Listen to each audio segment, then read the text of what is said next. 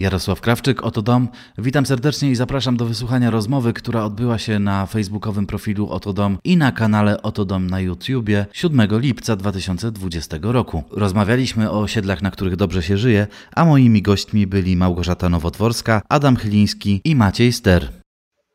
Wtorek, 7 lipca, godzina 10, a skoro wtorek i skoro godzina 10, to po raz kolejny witamy na rozmowie z cyklu Oto Dom Live. To już 19 live Oto Domu, a zarazem pierwszy, który transmitujemy na żywo jednocześnie e, nie tylko na facebookowym kanale Oto Dom, ale także na e, kanale Oto Dom na YouTube, e, także na YouTubie, więc jeśli ktoś woli YouTube'a niż Facebooka, to również może od dzisiaj oglądać nas również w tamtym kanale. Co tydzień spotykamy się o tej porze, by porozmawiać o nieruchomościach, ale nieruchomości to nie tylko cztery ściany, to także ich otoczenie i dzisiaj bardziej na ten temat. Porozmawiam z moimi e, i waszymi gośćmi. E, osiedla, na których dobrze się żyje, to temat dzisiejszego spotkania. E, widzimy się z Małgorzatą Nowodworską, która kieruje krakowskim oddziałem Polskiego Związku Firm Deweloperskich, jest dyrektorem sprzedaży i marketingu Angel Poland Group. Dzień dobry. Dzień dobry, witam. Jest z nami także Adam Chyliński, członek zespołu Eco Avengers i ekspert PZFD. Dzień dobry i Maciej Ster, współtwórca konceptu i członek zarządu miastologii. Witajcie, dzień dobry. Witajcie wszyscy, jest nas coraz więcej, widzę, jeśli chodzi o, e, o, o Zachęcam w takim razie do tego, żeby dać znać, że jesteście tutaj z nami, żeby się przywitać, napisać komentarz, e, pozdrowić naszych gości lub też e, zadać jakieś pytanie. Pytania możecie zadawać przez właściwie całą naszą rozmowę. My widzimy je z delikatnym opóźnieniem, ale postaramy się na wszystkie odpowiedzieć. E, oczywiście wszystkie te, które e, będą dotyczyły dzisiejszego tematu, e, będą z nim powiązane. Na razie jeszcze nie widzę żadnego O właśnie, już jest. Pierwszy z komentarzy. Tak one wyglądają. Dorota Grzegorczyk wita się z nami. Dzień dobry, cześć Doroto. Żeby się to tak fajnie wyświetlało, musicie kliknąć także zgodę na wykorzystanie nazwiska i i twarzy. Ta zgoda jest pod transmisją na Facebooku, bo w przeciwnym razie widzimy ten komentarz jako Facebook user e, i e, witamy oczywiście równie serdecznie, natomiast nie wiemy do końca kogo. Krzysiek Kręsny jest też z nami. Dzień dobry, cześć. E, no i zaczynamy chyba pomału. Chyba, chyba pomału możemy zaczynać. Drodzy goście, drodzy goście, nie będę wyznaczał do odpowiedzi po kolei. Myślę, że będziemy sobie po prostu E, w miarę swobodnie. E, dziękuję za pozdrowienia prowadzącego, e, Bożeno. Będziemy sobie swobodnie rozmawiać. Czym właściwie charakteryzują się takie osiedla, na których dobrze się żyje? Czy to się da w jednym zdaniu tego pojąć? Ach, ja bym powiedział tak troszeczkę przedwrotnie, bo, bo, bo w tym pytaniu się tli, co to mm, a propos tego, co to są za osiedla, na których się dobrze mieszka i to trochę jakby sugerowało, że należałoby krążyć gdzieś pewnie wokół, wokół dobrej architektury. E, dobrze zaprojektowanej. Natomiast e, ja bym tak trochę przewrotnie powiedział, że to mm, przede wszystkim zależy od, e, od ludzi, z jakimi, z jakimi mieszkamy. I tutaj mm, bardzo duża rola, wydaje mi się, jest po stronie czegoś, co jest rzadko się pojawia w dyskusjach na ten temat, Mianowicie mam na myśli samą, e, samą komunikację marketingową e, osiedla, e, dlatego że e, bardzo istotne jest to, żeby e, ludzie, którzy pojawiają się, którzy zaczynają tworzyć gdzieś wspólnotę na, na, na danym osiedlu, e, żeby oni generalnie mogli dokładnie tego, co zostało im opowiedziane. Generalnie troszeczkę jakby z, z, różnych doświadczeń y, możemy obserwować i widzieć, że e, zawsze pojawia się mnóstwo problemów, mnóstwo kłopotów wtedy, kiedy szczególnie na nowo, na nowo tworzącym się osiedlu pojawiają się e, sytuacje, na które ludzie kompletnie nie byli przygotowani i wynikają albo gdzieś z, z błędów projektowych, albo z założeń, które nie były komunikowane wcześniej, E, to powoduje, że, e, e, że atmosfera się robi wtedy dosyć nieprzyjemna i rzutuje już na całą, na całą resztę w ogóle samej jakości zamieszkiwania. Ludzie się troszeczkę okopują wtedy w, w, we własnych mieszkaniach. Więc wydaje mi się, że takim bardzo, bardzo istotnym aspektem, jak żyje się na osiedlach, jest bo wiadomo, że jest istotna, wiadomo, że, że, że, że takie podstawowe rzeczy, które powinno nas spełniać są mniej więcej jasne, natomiast e, to, co z reguły nie jest e, do końca jasne, e, to sam sposób komunikowania tego, co, czego w ogóle ja mogę oczekiwać od, od osiedla, na którym się wprowadzę, z jakimi ja licznikami będę, będę żył. Czy takie, a nie inne jakieś wzorce postępowania, wzorce kulturowe będę podzielał z tymi ludźmi, czy nie.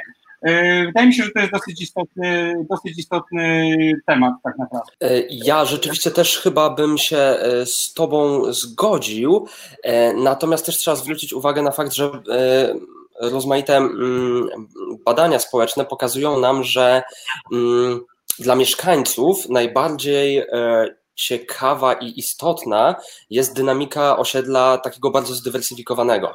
To znaczy, to też nie chodzi o to, żeby tutaj na przykład deweloper e, skierował ofertę tylko do jednego e, typu odbiorców. Czyli tworzymy osiedle dla rodzin z małymi dziećmi, średnio zamożnych, które wakacje spędzają w Polsce, tak?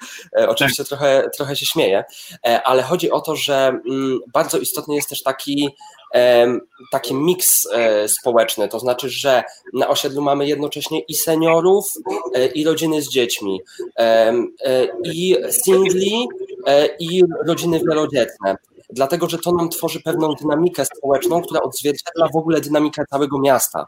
E, a osiedle powinno być takim miastem w pigułce, bo dzięki temu zaspokaja więcej naszych, e, naszych potrzeb. Ja się absolutnie zgadzam, e, Adam, nie chodzi tylko o to, że jakby osobiście też, też tak uważam, że, że taki miks społeczny jest w ogóle bardzo fajny. Ważne jest tylko to, żeby w samej komunikacji w ogóle otwarcie o tym mówić i wprost. Właśnie dlatego że ten otwartość i gotowość na ten miks społeczny nie wynika z kwestii ani dochodowych, ani wiekowych. To jest kwestia pewnej jakiejś takiej postawy życiowej, jaką ktoś po prostu reprezentuje, nie? W związku z tym ważne jest to, że jeżeli by nam na przykład zależało na tym, żeby na danym osiedlu taki miks mógł powstać, to ważne jest to, żeby o tym otwarcie od razu w komunikacji marketingowej mówić z jednej prostej przyczyny, żeby ludzie, którzy się z tym będą dobrze czuć, żeby no, z dużym zaciekawieniem podchodzili do tej inwestycji i dostaną tam dokładnie to, czego oczekują. Nie? Natomiast ludzie, którzy się nie będą z tym do końca dobrze czuć, bez względu na ich wiek, status społeczny i tak dalej, po prostu będą omijać wtedy tą, tą inwestycję, tak? Jakby nie spotka ich nic, co by negatywnie zaskoczyło. I takie konflikty się niestety często zdarzają, zdarzają że ktoś oferował osiedle spokojną enklawę kameralną, po czym pojawiły się e, dzieci, zaczęły biegać gdzieś tam i zaczęło ludziom to przeszkadzać, nie? Nic złego w tym nie ma, że te dzieci biegają, to jest zupełnie naturalna i fajna rzecz, nie? Ale ludzie, którzy nie byli na to przygotowani zupełnie, nie zdawali sobie z tego sprawy, nagle się czują gdzieś tam oszukani i tworzą się gdzieś niepotrzebne później, e, później tarcia, nie?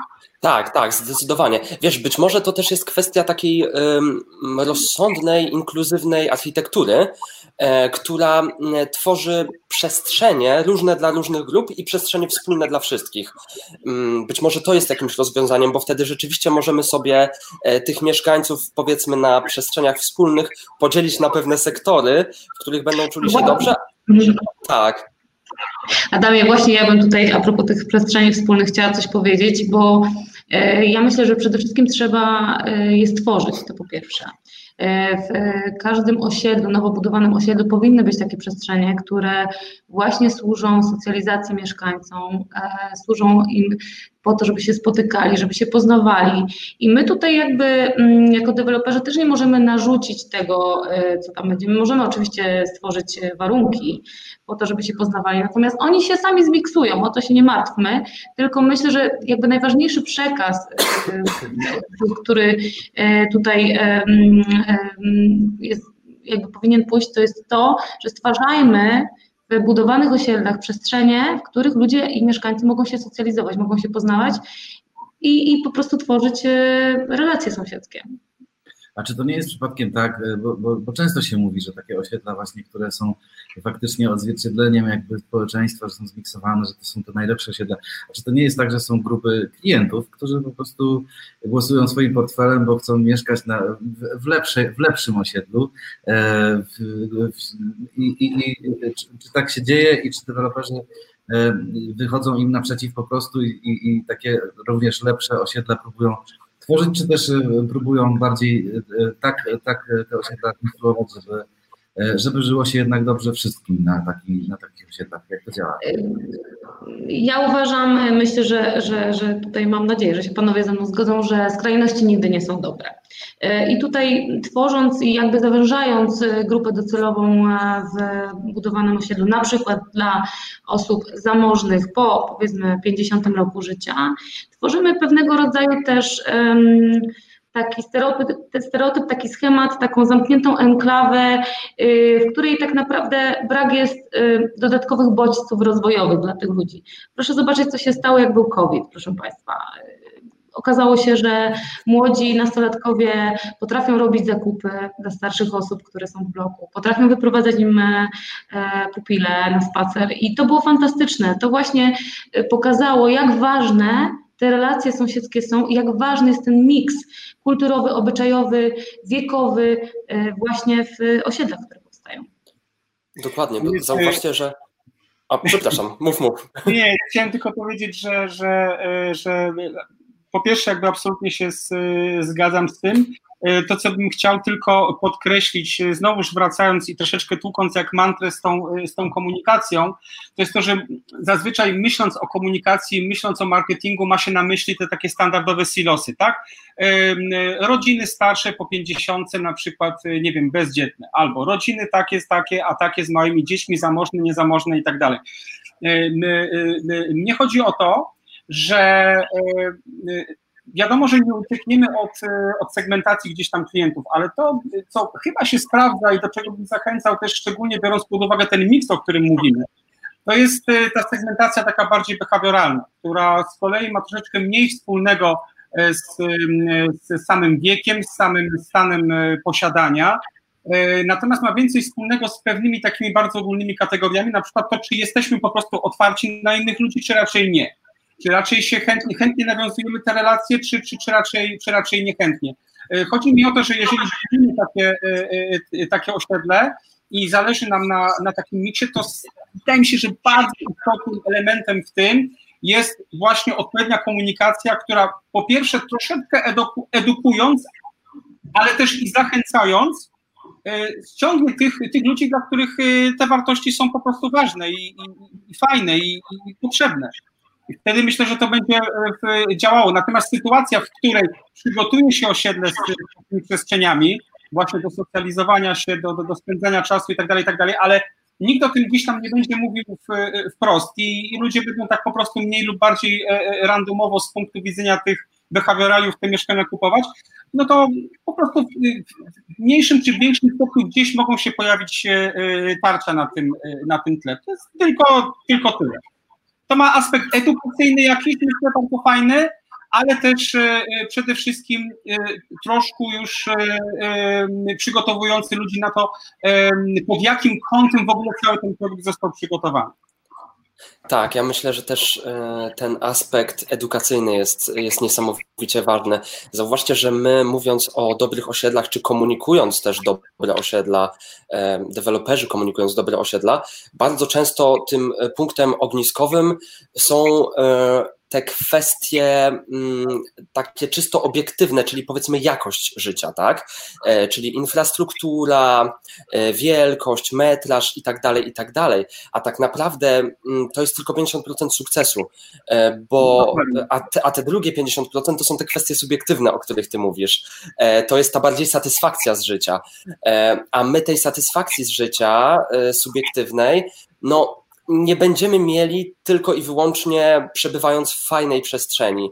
My ją uzyskamy e, poprzez na przykład e, dobre relacje społeczne, e, poprzez możliwość zaangażowania społecznego, poprzez możliwość identyfikowania się z przestrzenią, w której, w której żyjemy, czy wreszcie przez odczuwanie takiego poczucia sensu naszego mieszkania tu, w tym, w tym konkretnym miejscu. I to jest bardzo trudne do, do osiągnięcia, myślę, I, ale też bardzo ważne.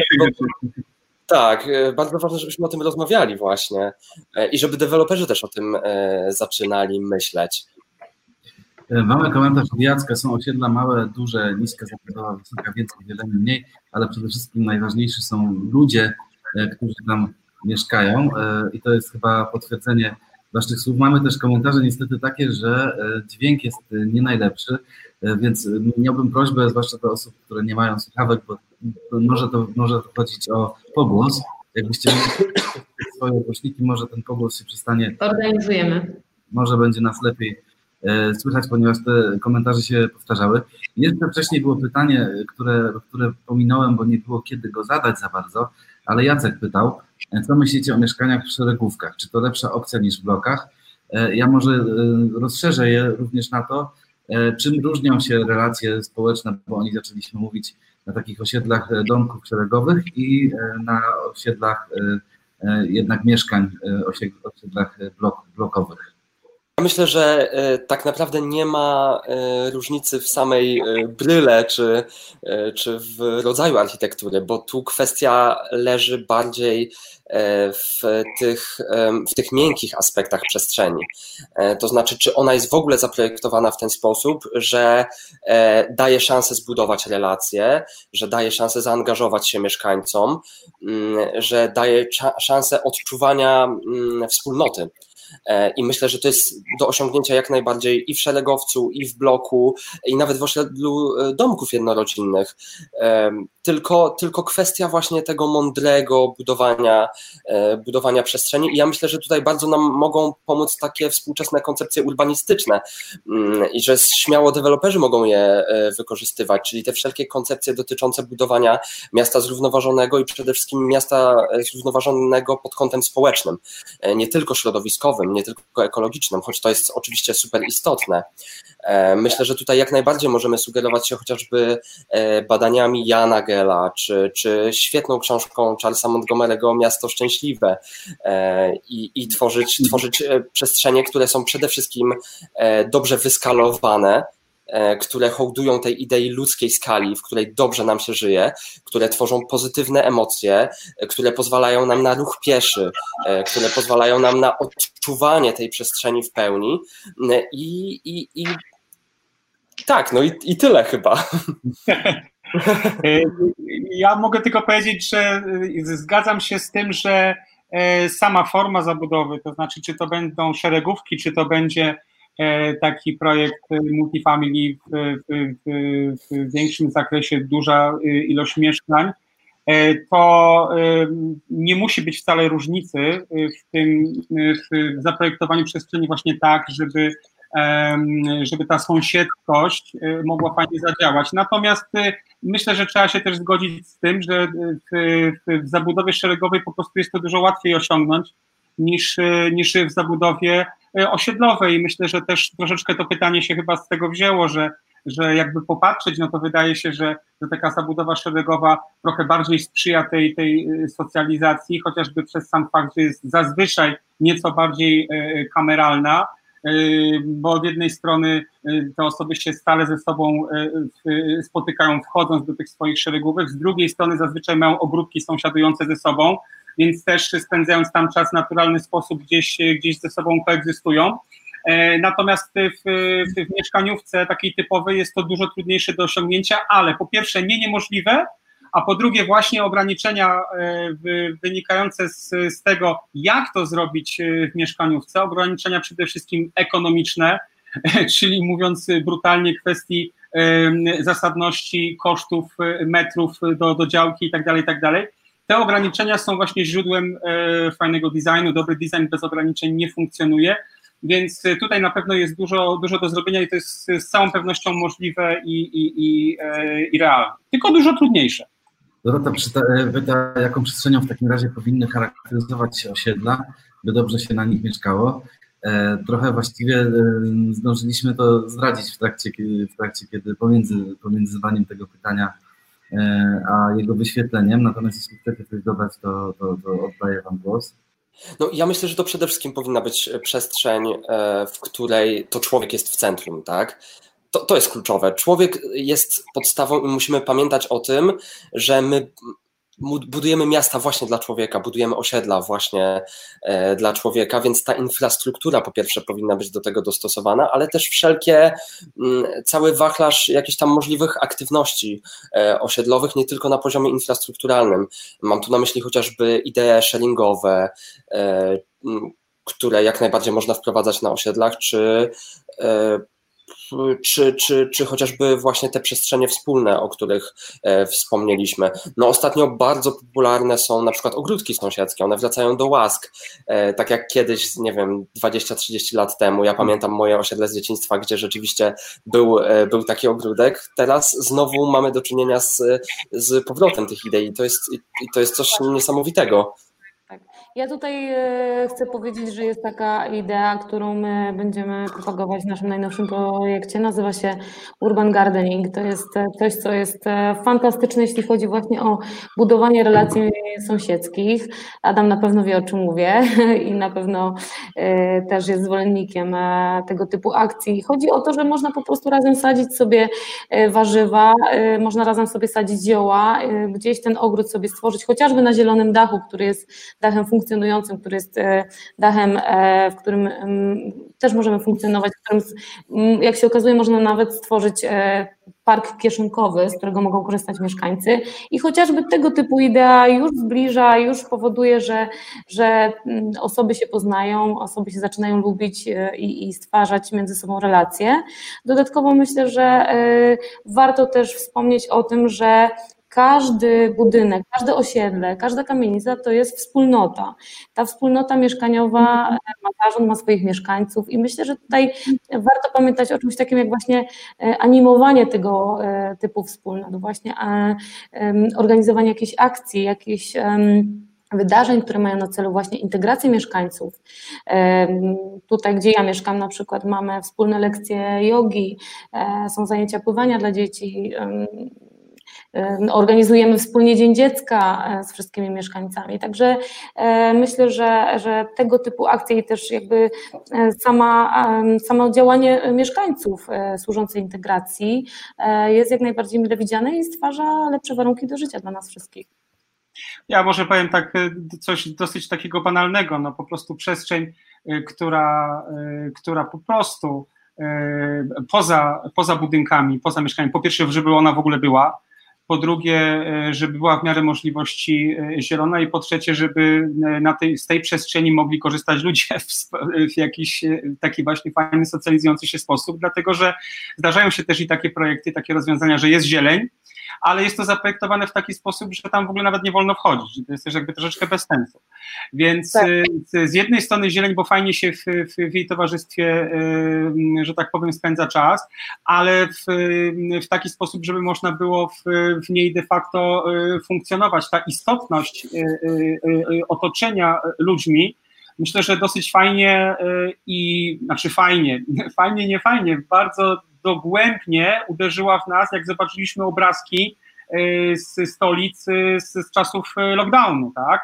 Gdzie można by było mówić cały czas o tym, że no, jak, co to jest fajne miasto, no fajne miasto, ładne budynki, dobrze zaprojektowane i tak dalej, i tak dalej, ale jak zobaczyliśmy centra kompletnie wyludnione, to one były dalej tak samo zaprojektowane, dalej tak samo fajnie wyglądające, ale brak ludzi był po prostu w jakiś sposób przerażający w tym w ogóle.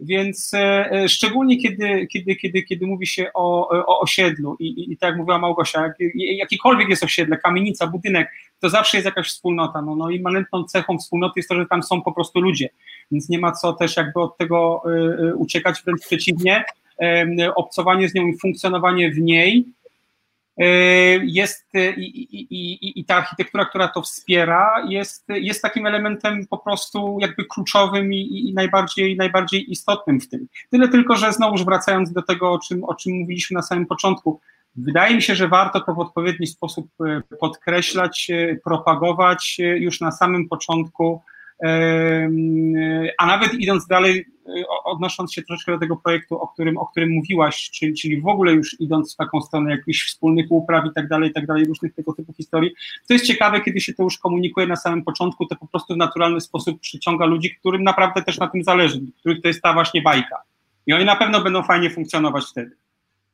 No właśnie, kolejne moje pytanie, a właściwie pytanie Andrzeja, ale ja bym chciał również dwa grosze do niego dorzucić.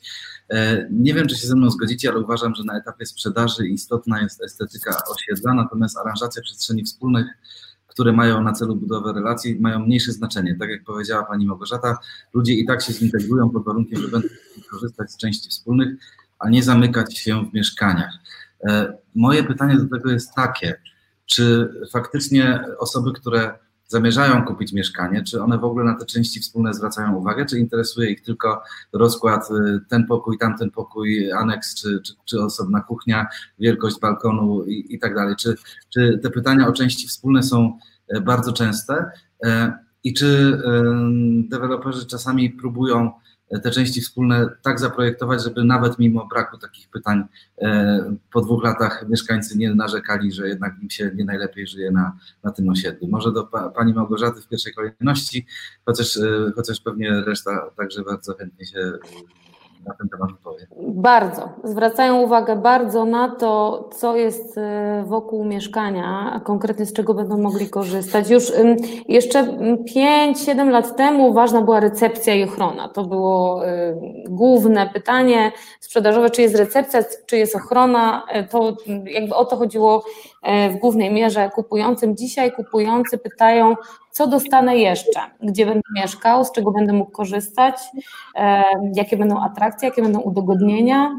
E, I to jest, myślę, bardzo dobry przekaz, bo to też świadczy o tym, że bardzo dla nas e, staje się ważna właśnie przestrzeń wspólna, czyli to, z czego korzystamy. Też inaczej ludzie do tego podchodzą, zdają sobie z tego sprawę, jakby jak funkcjonuje osiedle, tak, że jesteśmy częścią jakiejś większej instytucji, no bo jeżeli mamy osiedle, które ma powiedzmy 350-400 mieszkań, no to jednak y, jesteśmy, y, funkcjonujemy w obrębie y, większej wspólnoty i to z czego korzystamy, jak z tego korzystamy, czy to szanujemy, czy tego nie szanujemy, ma ogromne znaczenie i, i tak, kupujący to bardzo doceniają, jeżeli deweloper stosuje udogodnienia specjalnie dla mieszkańców e, w swoich inwestycjach. To jest e, absolutnie najważniejsze obecnie.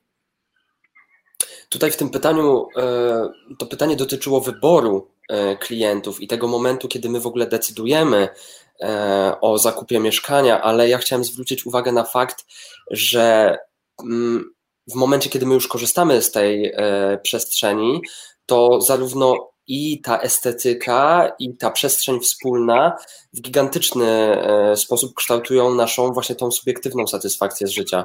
Mm, tutaj badania psychologów e, pozytywnych pokazują nam bardzo wyraźnie, że, że właśnie na nasz well-being, na, na naszą e, satysfakcję, czy dobrostan, czy jakkolwiek tego nie nazwiemy, wpływają pozytywne emocje, których doświadczamy na co dzień. A z kolei neurobadania pokazują nam, że te pozytywne emocje często wypływają z estetyki przestrzeni, w której się obracamy. Tutaj znowu odsyłam do e, i do Gela, i do Montgomery'ego, którzy bardzo szczegółowo opisują to, jak chociażby wygląd fasad budynków e, wpływa na to, jak reaguje nasz mózg.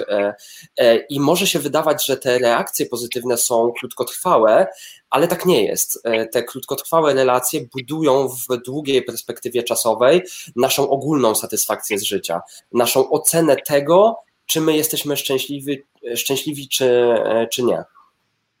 Dokładnie tak. Zresztą w, w, tym pytaniu, Jarku, na samym końcu nawet zawarłeś taką, taką oj, przepraszam bardzo, już odrzucam. Ktoś mi zaczęło dzwonić, przepraszam Was.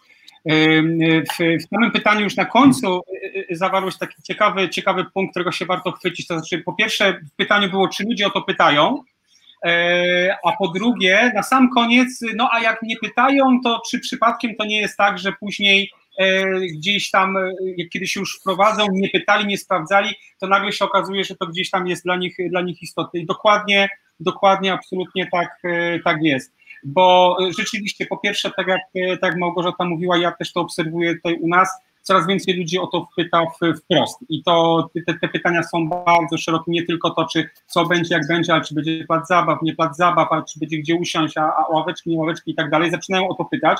Natomiast e, osoby, które o to nie pytają w pierwszej kolejności, no bo umówmy się, e, podejmowanie decyzji o tym, e, na jakie mieszkanie i gdzie się zdecydować, jest obarczone ogromną ilością zmiennych, potężną ilością. Y, ceny metra kwadratowego, lokalizacja, to, tamto, to nie zawsze i nie wszystko każdy weźmie od razu pod uwagę i rzeczywiście w pierwszej kolejności niekoniecznie każdy będzie myślał o tym, w jaki sposób jest zaprojektowana ta, ta przestrzeń wspólna. Niemniej jednak y, to, jak ona wygląda, w jaki sposób ona jest wkomponowana w całą estetykę y, osiedla, ma na pewno kardynalne znaczenie później w tym, jak się tam będzie żyło, to z całą pewnością, a też w takim aspekcie już podprogowym, może nie do końca jasno takim uświadomionym, ale jednak będzie też decydować o ostatecznym wyborze, tak? Bo kiedy ja będę miał do wyboru dwie, trzy inwestycje, e, i w jednej, nie wiem dlaczego, ale po prostu mi się będzie podobało. Nie wiem na czym polega to, że mi się to podoba, ale po prostu mi się podoba, po prostu to czuję, po prostu to widzę, tak? To właśnie dlatego, że ktoś jednak zadbał o odpowiedni miks tej estetyki samej architektury i, i, i tych, i tych przestrzeni wspólnych. A jeżeli jeszcze na wizualizacjach pokazał tam mnóstwo ludzi, to ja już w ogóle to kupuję od razu, tak? Bo bardzo często się zdarza, właściwie nagminne, że na wizualizacjach, i tak cały czas tutaj rozmawiamy o tym człowieku, o tym, że on jest w centrum i tak dalej, i tak dalej, i tak dalej. Ale weźmy większość wizek, jakie, jakie, jakie pokazują deweloperzy typu architekci, to na tych listach praktycznie widzimy e, e, samo takie zachwycanie się formą budynku, natomiast nie ma tam człowieka praktycznie w ogóle, nie? Ale czasem jest samochód zaparkowany, nie? Ale człowieka nie ma. E, a, a w momencie, kiedy się zaczynają pojawiać, e, to radykalnie zmienia odbiór, e, odbiór przestrzeni. Radykalnie. To nawet widzieliśmy to na przypadku naszych budynków, że cieszyliśmy się z tego, jak one wyglądają, jak, jak powstawały i tak dalej, ale tak naprawdę one zaczęły być, przynajmniej z naszego punktu widzenia, fajne wtedy, kiedy, kiedy dało się zauważyć, że ci ludzie tam zaczynają funkcjonować. Na tych balkonach coś zaczyna się pojawiać na tych ogródkach też. E, te dzieciaki tam zaczynają biegać, coś się dzieje i wtedy jedno z drugim zaczyna naprawdę bardzo fajnie, e, bardzo fajnie współgrać. I myślę, że jak ktoś na to patrzy, to nawet nie do końca będzie sobie może zdawał sprawę z tego, czy to jest ta przestrzeń, która, dlaczego ona mu się podoba, dlaczego nie, ale po prostu w jakiś taki naturalny sposób, kurczę, ciągnie mnie tam, tak? Lgnę do tego, to jest fajne.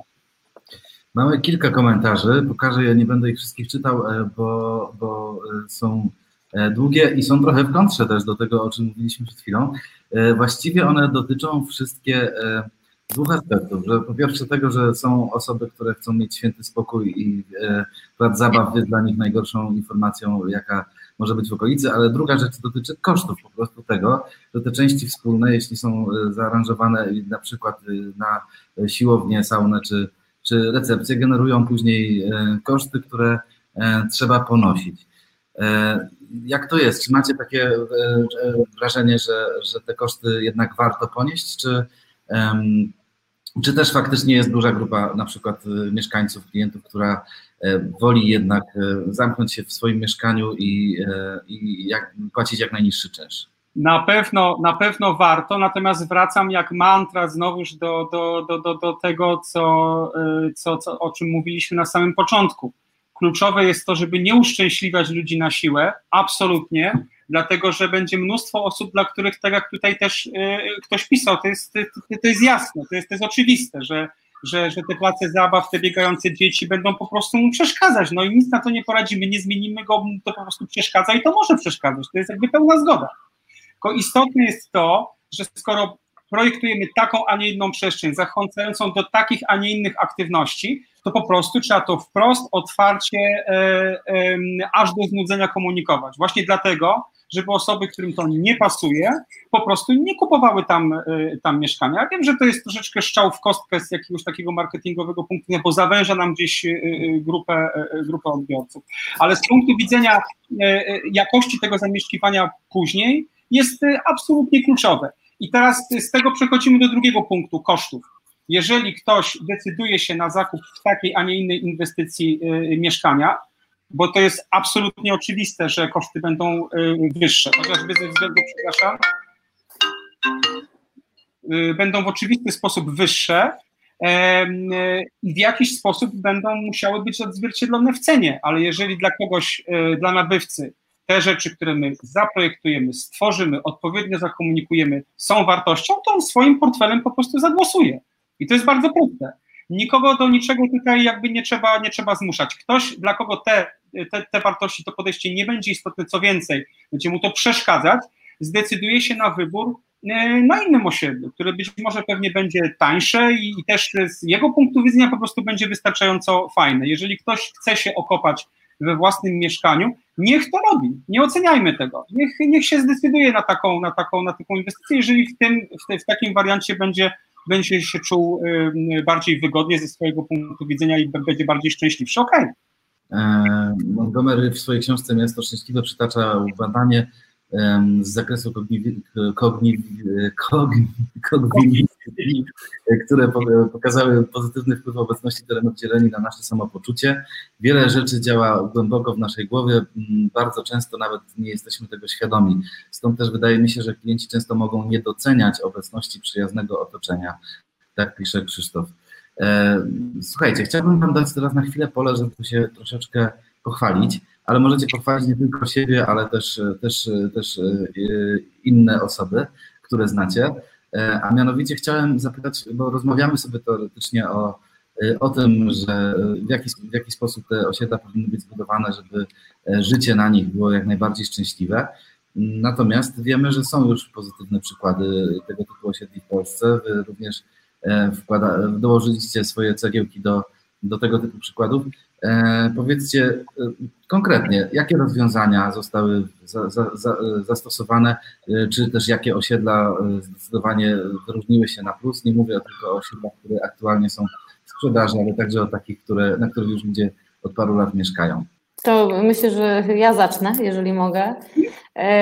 No rzeczywiście, myślę, że jeżeli chodzi o, o jakby integrację mieszkańców, to, to możemy się pochwalić Angel Poland Group słynie z tego, że buduje kompleksy, które, y, które mają mnóstwo y, terenów, y, pomieszczeń do tego, żeby, żeby tą integrację mieszkańców żeby ta integracja mieszkańców się odbywała. E, w Angel Wawel e, mamy mm, oczywiście oprócz spa, czyli saun, basenu i, i siłowni, co jest, co wcześniej nawet jedna z naszych rozmówczyń tutaj poruszyła, to jest jeszcze coś, co jest myślę bardzo ciekawe, o czym warto wspomnieć, co nie wiąże się z jakimś gigantycznym kosztem, a polecam naprawdę dla wszystkich tych osiedli, które jeszcze tego nie mają, a a mogłyby coś takiego wdrożyć. Proszę Państwa, to jest biblioteka. E, można sobie stworzyć pomieszczenie, e, w którym e, będzie się mm, oddawało książki, które się już przeczytało.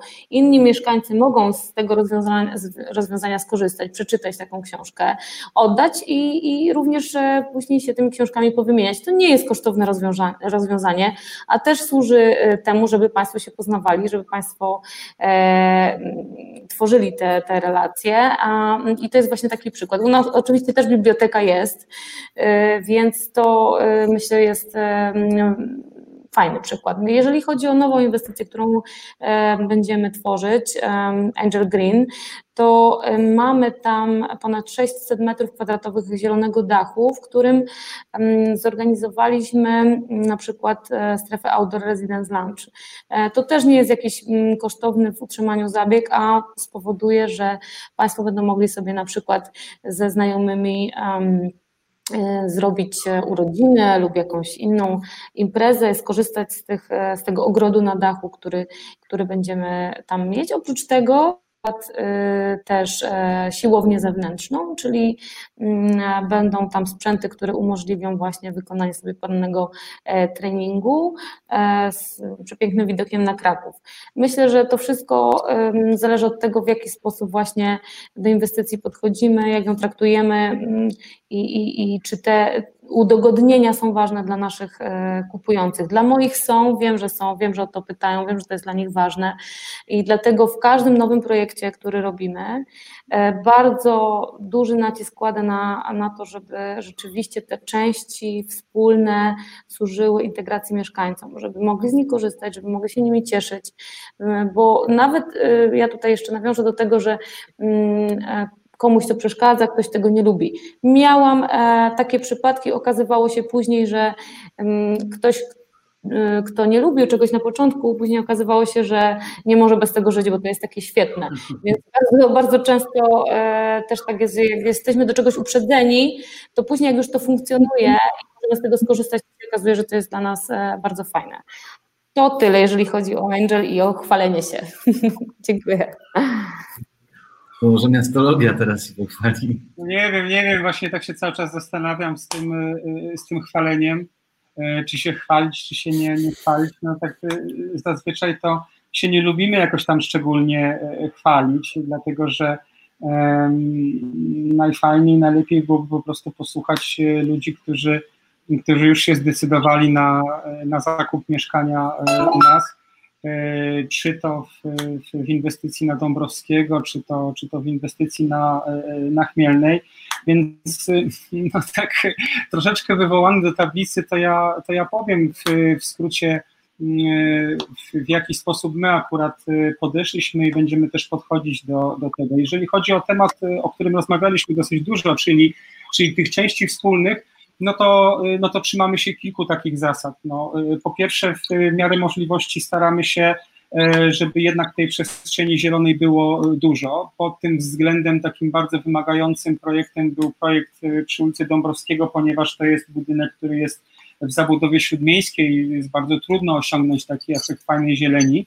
Natomiast e, wydaje mi się, że nam się udało to tyle osiągnąć, że uruchomiliśmy pod tym kątem też dach e, w całym budynku.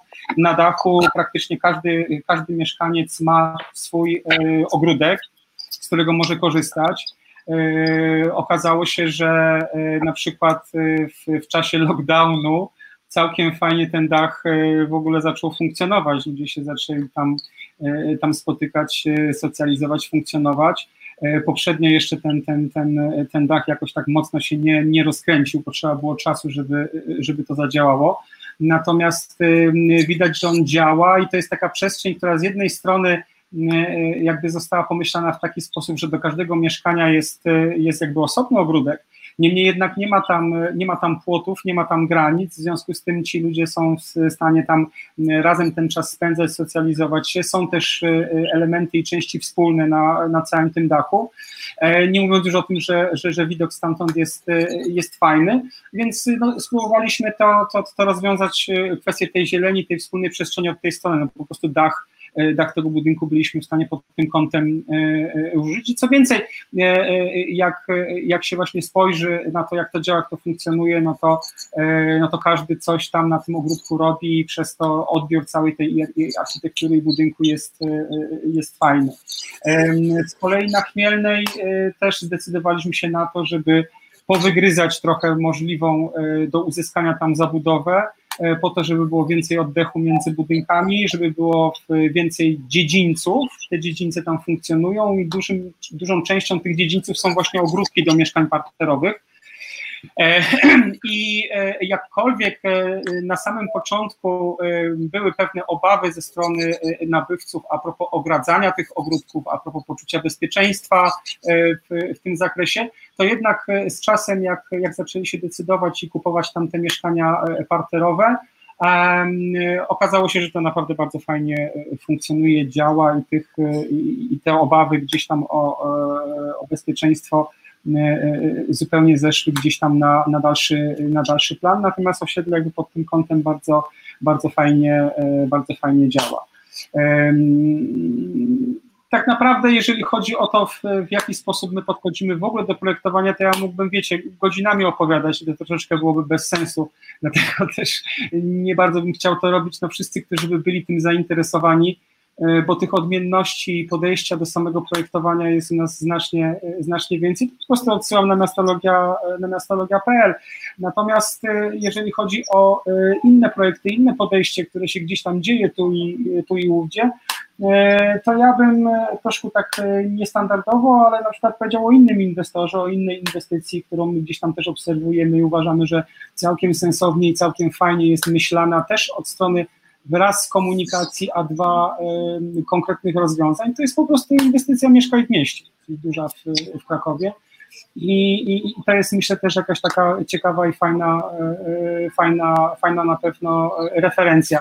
Natomiast z drugiej strony też nie jest tak, że, że są tylko te takie um, siermiężne to osiedla, ci deweloperzy tak nie dbają. Nie, zaczynają już dbać, to się zaczyna naprawdę zmieniać, coraz więcej powstaje tych osiedli takich, gdzie ta architektura jest coraz lepsza.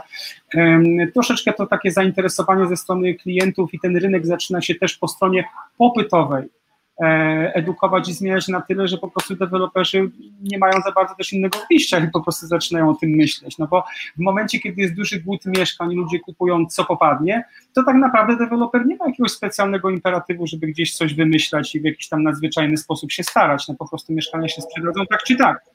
E, natomiast to się po prostu zaczyna zmieniać, coraz lepsze osiedla powoli zaczynają e, powstawać. Tak jak mówię, e, tylko tak jak mówiłem na samym początku, istotnym aspektem jest jednak rozszerzenie tego myślenia projektowego, że projekt to nie jest tylko projekt osiedla, to nie jest tylko projekt części wspólnych, to jest projekt całej komunikacji, to jest projekt całego doświadczenia związanego z, z, z przemyślanym od początku do końca y, osiedlem i wreszcie y, z pewną zmorą, która nadal jest zmorą, wydaje mi się, na rynku mieszkaniowym, czyli jakością jakby samych mieszkań, samych metrów kwadratowych, tego jak one funkcjonują, jak zostały przemyślane. To jest bardzo trudne, dlatego że ekonomia każe szukać tych metrów do sprzedaży praktycznie gdzie się da więc ogromną sztuką jest zaprojektować mieszkanie w taki sposób, żeby z jednej strony komplementowało te wszystkie ograniczenia po stronie ekonomii, ale z drugiej, z drugiej strony, żeby się w nim po prostu fajnie mieszkało, żeby ono nie wymagało zaraz zaangażowania e, e, architekta, który będzie musiał je przerobić w ogóle w taki sposób, żeby się tam dało mieszkać, nie? E, dużą, dużą część biznesów w tym momencie jest jakby duża część biznesów wnętrzarzy właśnie polega na poprawianiu y, błędów w, w, w typ, tak zwanych typowych mieszkaniach y, deweloperskich, nie? A przecież można by było od razu to wziąć gdzieś jakoś pod uwagę i troszeczkę ułatwić ludziom życie od tej strony. I kolejny aspekt to jest też, to są cztery wymiary, nie? Bo mówiąc o przestrzeni, mówimy z reguły o trzech wymiarach, nie? Ale jest jeszcze czwarty, jest czas. E, I, i, I, bardzo dużo się też wtedy zmienia. Na przykład urodzenie się dziecka, dzieci wywraca wszystko do góry nogami. Troszeczkę inaczej już mówimy zarówno o przestrzeni, troszeczkę inaczej o, o, o lokalizacji. Więc y, wzięcie tego parametru czasu też y, jako, jako jakiś y, wyznacznik w myśleniu projektowym też wydaje mi się, że jest bardzo istotne. My się to staramy robić. Zaprezentowaliśmy jakiś taki jeden z naszych pomysłów na to właśnie w tych dwóch dotychczasowych inwestycjach ale na pewno nie spoczniemy, będziemy myśleć e, dalej, sporo wniosków już mamy i przy kolejnych inwestycjach myślę, że uda nam się coś nowego, jeszcze fajnego odkryć. To się, to się rzeczywiście zmienia i ja powoli też obserwuję tę zmianę, natomiast bardzo ważne jest to, co powiedział Maciek, że to musi się zmieniać. E, dlatego że mm, po prostu klienci tego oczekują i będą e, oczeki oczekiwać. Zwróćcie uwagę, że niedługo na rynku e, pojawią się też przedstawiciele pokolenia Z. My teraz jako Eco Avengersi robimy takie dosyć spore badanie o tym pokoleniu i staramy się sprawdzić to, jakimi oni będą klientami i właśnie czego będą oczekiwać kupując czy, czy, czy, e, czy wynajmując e, mieszkanie. E, też na razie nie chcę za dużo mówić, bo, bo dopiero te badania są w takiej fazie raczkującej, ale z pewnością będzie to pokolenie, dla którego te wszystkie rozwiązania, o których my teraz mówimy, to jest totalny standard jakby nie będzie dyskusji o tym nawet. E, to przede wszystkim będzie też pokolenie, które na przykład zupełnie inaczej się e, komunikuje i przemieszcza po mieście.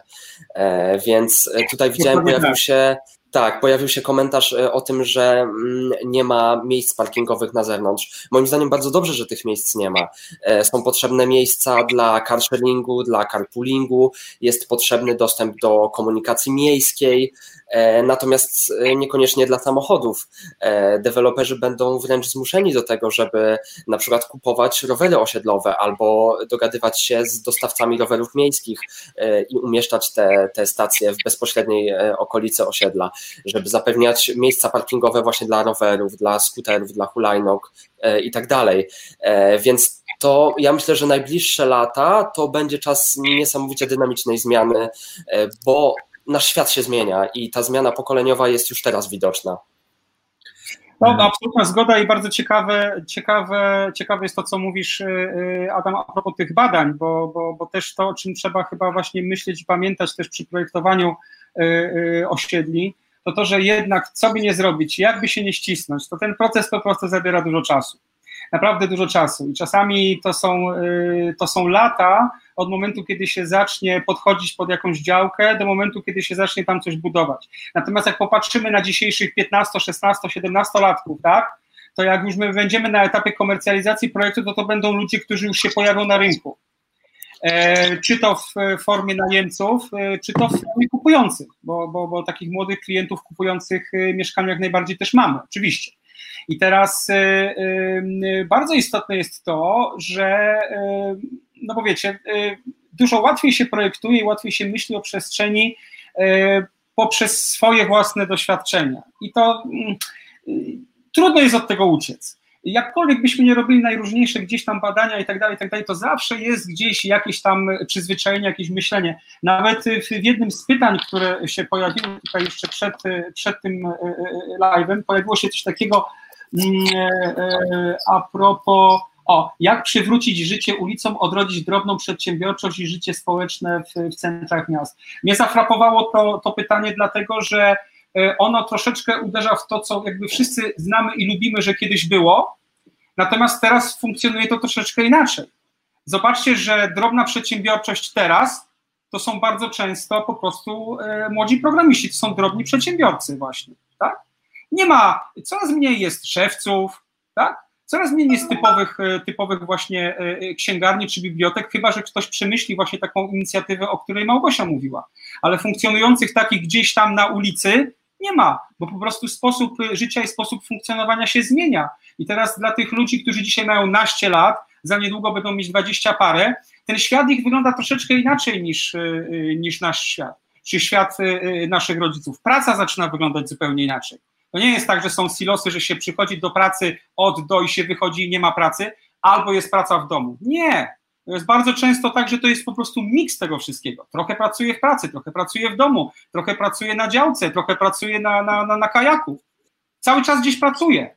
E, I, I, to bardzo dużo też, też zmienia i stanowi jakby nowe wyzwania i nowe potrzeby pod kątem myślenia o, e, o przestrzeni. To, o czym Adam mówiłeś, e, inne i zmieniające się podejście do samochodów u tych młodych ludzi. Tak, jak najbardziej, to się zmienia. Problem tylko w tym, że ta zmiana, która, która z jednej strony wynika e, z, z oczekiwań i, i, i zmiany trochę przyzwyczajenia młodych ludzi, tak? Dla których samochód na przykład już dawno przestał być, czy już nie jest jakimś takim wyznacznikiem wolności, jakiejś takiej, takiej ucieczki dorosłości. Nie. To jest jakiś gdzieś, gdzieś e, amerykański kiedyś gdzieś tam był, funkcjonował, tak? Tato, tato, tato, kiedy wreszcie wsiądę do tego samochodu, dasz mi kluczyki, pojadę. Nie, już nie ma tego od dawna, tak? Natomiast za tym jest kwestia technologii, legislacji i tak dalej. Przecież zobaczcie, w tej chwili jest tak, że jednak e, do mieszkania e, musi być spełniony odpowiedni e, czynnik, jeżeli chodzi Właśnie. o miejsce postojowe tak. na mieszkanie. Właśnie. To, I tutaj... nie wymyślili, jakie byśmy nie mieli pomysły, że zrobimy gdzieś tam stacje do ładowania hulajnóg elektrycznych, czy rowerów elektrycznych, czy gdzieś tam, to przyjdzie architektura i powie, kochani, jeden przecinek ileś tam y, miejsca postojowego na mieszkaniu, tak? Dokładnie tak. Dokładnie. Wszyscy gdzieś tam czujemy, nie, y, gdzieś tam głęboko, że pewnie minie 10, może 20 lat, może 30 i te wszystkie garaże będą stały puste. Bo y, transport publiczny mhm. być może wyewoluuje w taką stronę, że po prostu y, posiadanie samochodu na własność będzie kompletnie bez sensu natomiast przywoływanie go na apce, wsiadanie, jechanie, etc., etc. będzie dużo prostsze, szybsze, wygodniejsze, ale parkowanie tego samochodu, żeby on przez 95% czasu stał w miejscu jest bez sensu, pomijając fakt, że koszt tej przestrzeni jest ogromny. I ten, ten, ta, ta przestrzeń konkuruje z przestrzenią do mieszkania. Ale tak długo, i to znowu, że jakby wracając do, do, do, do naszej jeszcze krótkiej rozmowy, zanim uruchomiliśmy tego live'a, nie? To znaczy obecności osób też decydentów po stronie tworzenia prawa, przepisów i tak dalej, tak? To jest bardzo dużo do zrobienia, dlatego tak. że jest jasne i tak jak ktoś pisał, nie ma miejsc postojowych, to jest bardzo pilący i bolący problem, tego, tego jakby też nie można bagatelizować, bo też pamiętajmy o tym, że pokolenie Z i tak dalej, to, że się będą zmieniały przyzwyczajenia, jasne, ale ludzie żyją w mieście tu i teraz i też mają swoje problemy, nie są w stanie zaparkować, nie są w stanie dojechać, tak? Pod przedszkolami, pod szkołami gigantyczne korki, tak? E, w tym, w tym zakresie też jest coś do zrobienia, tak? Osoba młoda, z, która nie ma na przykład dzieci, może bez żadnego problemu funkcjonować bez, bez samochodu. Są hulajnogi, tramwaje, rowery, nie ma sprawy, nie? Ale w momencie, jak ja muszę dowieść na przykład y, dziecko, a tak się akurat zdarzyło, że mieszkam w lokalizacji, gdzie nie mam za bardzo łatwego dostępu do komunikacji publicznej, tak? No to jak ja mam, jak ja mam to ogarnąć, nie? Wtedy ten samochód jest często, często jedynym rozwiązaniem. Gdzieś go muszę parkować, coś z nim muszę robić. Nie pojadę taksówką jeszcze, nie wynajmę do tego trafikara, nie? Więc ten problem jest mhm. znacznie, znacznie bardziej złożony i uważam, że tutaj należy mieć takie troszeczkę spokojne i zdroworozsądkowe też podejście, ważąc interesy wszystkich stron. Jeżeli ktoś mówi, że on ma problem z tym, bo on nie ma gdzieś gdzie parkować, to jego to na pewno boli i w jakiś sposób warto pójść szerzej, zadać kilka pytań dlaczego, po udzieleniu odpowiedzi kolejne dlaczego i dojść w końcu do tego, jak można ten problem rzeczywiście rozwiązać. I to nie są problemy, które rozwiążą y, deweloperzy czy projektanci samodzielnie. To są, to są problemy już na poziomie funkcjonowania, y, funkcjonowania miasta i faktycznie otwartej debaty, y, dyskusji na ten temat. Czy jakimś rozwiązaniem mogłoby być chociażby dopuszczenie do tego, żeby kilku deweloperów w okolicy, którzy budują osiedle, mogło spełnić ten wymóg miejsc postojowych poprzez wspólną inwestycję w okolicy, w miejscu, gdzie mieszkania powstać z różnych powodów nie mogą, bo by się tam po prostu fatalnie mieszkało, na przykład przy wiadukcie kolejowym, tak? I tam wybudować niedrogi, wielopoziomowy parking, który obsłużyłby wszystkie te osiedla. A ten parking jakby nie był potrzebny w przyszłości, będzie być może łatwiej przerobić na inną funkcję. Właśnie to przerabianie, nie? Ja, ja myślę, tak, ja myślę, że, że to, to e, kluczowe, kluczowy jest rzeczywiście ten dialog też e, na poziomie no. miejskim i na poziomie e, deweloper władze, a w międzyczasie taki kolejny trend, czyli projektowanie w sposób elastyczny, czyli projektowanie przestrzeni, którą za 5 czy 10 lat będzie dało się bardzo łatwo zmienić. Czyli na przykład z parkingu podziemnego będziemy w stanie mm, zrobić na przykład przestrzeń biurową, albo przestrzeń albo e, mieszkalną, taką, ja widziałem gdzieś albo mieszkalną. Tak, e, no tutaj e, podobno paryscy deweloperzy w tym, w tym przodują mm, i cała rzesza, cała masa parkingów podziemnych już teraz jest przerabiana na właśnie miejskie ogrody czy, czy przestrzeń do, do hodowania roślin, więc ważne też jest to, żeby pomyśleć już na etapie projektowania o tym, żeby chociażby zapewnić dostęp do energii elektrycznej w tych miejscach, które na razie służą samochodom, a potem mogą służyć czemukolwiek innemu, nie? Dokładnie i to jest, wydaje mi się, o tyle rozsądniejsze podejście, że e, procesy, o których mówimy, jednak zabiorą ileś tam lat, nie? Tak. A ze swoimi problemami ludzie żyją w miastach tu i teraz, nie? I, i, I to jest, wydaje mi się, właśnie, e, właśnie istotne, że my nie możemy też myśleć w kategoriach, że robimy teraz tu i teraz e, przestrzeń tak, że ona będzie świetna za, za, za 20 lat. Bo ci ludzie, którzy mówią, ale ja nie mam gdzie parkować, to nas zjedzą, nie? I będą mieć rację. Więc, e, e, więc e, no ale to jest tak jak, tak jak mówisz, na pewno to, to, to, to, to projektowanie takie elastyczne, my się zresztą też staramy to robić, bo immanentną ceną nieruchomości, cechą nieruchomości jest to, że to jest nieruchomość, że to jest taki beton, tak, nie rusza się. My byśmy pewnie bardzo chcieli, żeby to było mniej lub bardziej plastyczne, dlatego, że życie się zmienia, tak, miasto jest jakimś tam organizmem żywym jednak, tak, Nigdy nie wiemy, choćby siadło 10 urbanistów nad jakimś miastem i się zastanowiło, oho, ho, jak to miasto będzie wyglądało za, za, tam, za 10, za 15 lat. Nie przewidzą tego. Nie przewidzą tego, bo nie wiadomo. Na to ma tak ogromna ilość e, czynników wpływ, że nie wiadomo. Natomiast e, zaprojektowanie i myślenie o procedurach e, legislacji i o samym projektowaniu w sposób gotowy na zmiany jest jakimś ciekawym, myślę, myślę zadaniem, natomiast ogromnie trudnym bo podstawowa trudność polega na tym, że bardzo często zabezpieczanie możliwości elastyki w przyszłości kosztuje dzisiaj więcej niż nie robienie tego. Mhm. To też jest problem, tak? Bo, bo to jest podobnie jak, jak z, z, ekologią, o której jak najbardziej warto myśleć, jak najbardziej trzeba, trzeba o tym myśleć. To y, nawet nie tyle myśleć, ile działać, bo problem jest palący ale, ale robić to też z głową, tak? Na takiej zasadzie, żeby te rozwiązania w efekcie się przekładały na e, mniejsze zużycie tego i owego, a nie większe zużycie, prawda? Myślę, że to jest jedno z założeń też Eco Avengers właśnie, że, żeby, żeby było jak najbardziej eko, jak najbardziej przyjaźnie, ale też niekoniecznie, żeby było dużo drożej. A kwestia kosztów pojawia się w komentarzach właściwie od samego początku naszej rozmowy do samego końca. Rzadko zdarzają się takie rozmowy, podczas których nie, nie, nie udaje mi się zadać większości pytań, ale, ale to to jest jedna, jedna z tych.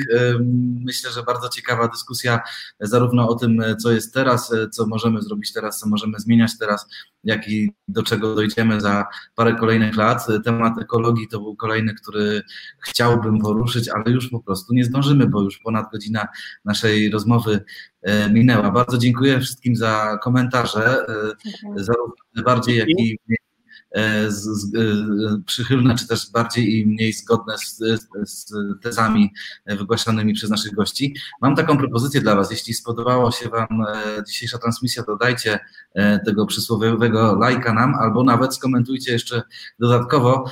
Może nasi goście jeszcze do, do tej rozmowy powrócą, ale już nie w formule live, ale w formule odpowiedzi na Wasze komentarze i pytania, do czego oczywiście naszych gości zachęcam. A gośćmi dzisiaj byli Maciej Ster, Małgorzata Nowodworska i Adam Chyliński.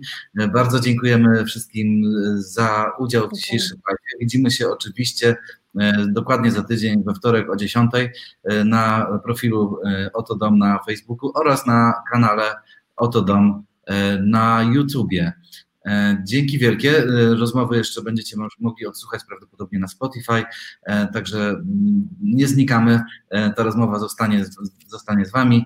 Mam nadzieję, że widzimy się za tydzień, a za tydzień również bardzo ciekawy temat, o który, który ogłosimy już bardzo wkrótce. Dzięki. Do zobaczenia. Dziękujemy. Jeśli zainteresowała Cię ta rozmowa, zobacz koniecznie pozostałe z cyklu Oto Dom Live. Zapraszam także do śledzenia zapowiedzi kolejnych spotkań. Widzimy się w każdy wtorek o godzinie 10 na facebookowym i YouTube'owym profilu Oto Dom. Do usłyszenia i do zobaczenia.